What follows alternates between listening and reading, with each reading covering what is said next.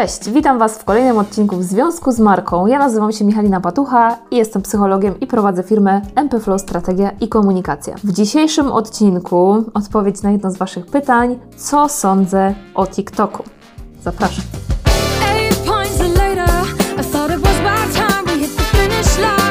TikTok, TikTok, pytacie o niego czasem. Moi znajomi, hmm, i teraz wyjdzie ilu mam lat, trochę nie lubią tej platformy, ponieważ y, jest taka, wiecie, infantylna. Y, mamy TikTokerów, ale ten content tam jest taki głupkowaty i tak dalej, i tak dalej. Ja Wam powiem, że ja też mam TikToka, więc możecie go odwiedzić. Tutaj będzie y, informacja, gdzie mnie znajdziecie. Tam nie jestem pod Michalina Potucha, tylko psycholog biznesu. I TikTok jest dla mnie taką platformą, do której podchodziłam na początku też właśnie w taki sposób, że o Boże, tam co tam będę oglądać, w ogóle bez sensu, nieciekawe i tak dalej, i tak dalej. Ale powiem Wam, że ostatnio nie mam tak bardzo dużo czasu, żeby tworzyć tam content, aczkolwiek mam plan, żeby wgryźć się w niego jeszcze bardziej. Mam konto na TikToku i widzę, że y, po pierwsze moje filmy, które tam publikuję, im prostsze, im bardziej śmieszne, im bardziej na ludzie, tym łatwiej jest je prowadzić, więc pierwsza moja taka myśl była, że jeśli myślałam, że Instagram wymaga skrócenia dystansu, to TikTok wymaga tego skrócenia dystansu jeszcze tak o 100 razy bardziej. Więc pierwsza e, rzecz, którą ja myślę o TikToku, to to, że on jest dla mnie wyzwaniem, e, żeby tworzyć tam content, po pierwsze wartościowy, a jednocześnie odpowiadający kulturze danego e, medium, czyli nie jest to bardzo, wiecie, taka długa, e, merytoryczna praca, nie ma tutaj tam takich długich filmów, w których mogę poopowiadać, tylko muszą być szoty, musi to być bardzo dynamiczne, często z muzyką i jest to zupełnie inny klimat niż na przykład na Instagramie czy na YouTubie. TikTok to taka platforma, z którą kojarzymy wielu TikTokerów, influencerów TikTokowych, którzy reklamują różne produkty. I ja obserwuję kilku takich influencerów i widzę, że zmienia się coś w naszej świadomości, ponieważ e, wiele osób lubi ich oglądać, wie, że oni reklamują produkty i wcale nie ma im tego za złe. Ja Wam w ogóle podlinkuję film do e, ostatniego, jeden z ostatnich filmów Klaudii Klary, tak abstrahując, ale trochę nawiązując jednak do tematu, w którym ona sama opowiada o swoich doświadczeniach sprzed 10 lat, kiedy zaczynała na YouTubie i dzisiaj, kiedy na YouTubie mamy wielu twórców, mamy też większą trudność z, z dotarciem do, e, do naszych grup docelowych.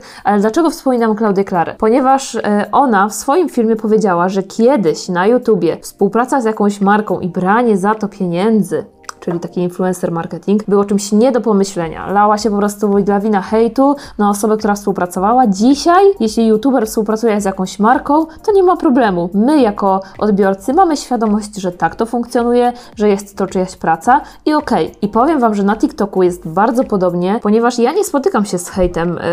Yy, ja nie, nie, ja nie jestem influencerem, ale yy, obserwując influencerów, widzę, że ludzie są ciekawi tego, w jaki sposób yy, pokażą produkty, że jest to naprawdę często kreatywny e, sposób prezentowania tych produktów i że nawet są zachęcani do tego, że właśnie pokaż nam jeszcze taki produkt, poka- pokaż taki. Myślę, że dla marek to jest świetny punkt wyjścia właśnie, żeby z TikTokerami współpracować.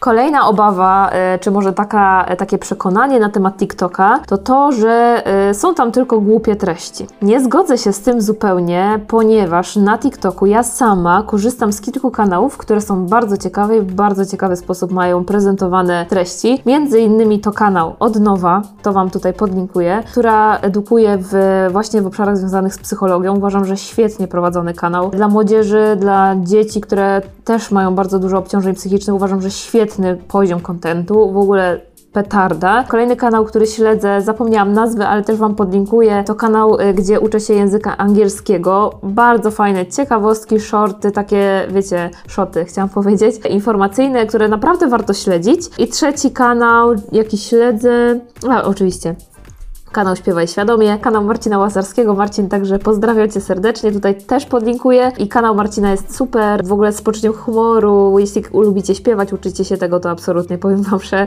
warto śledzić Marcina i na YouTubie, na Instagramie i na TikToku, ponieważ bardzo fajne rzeczy tam robi.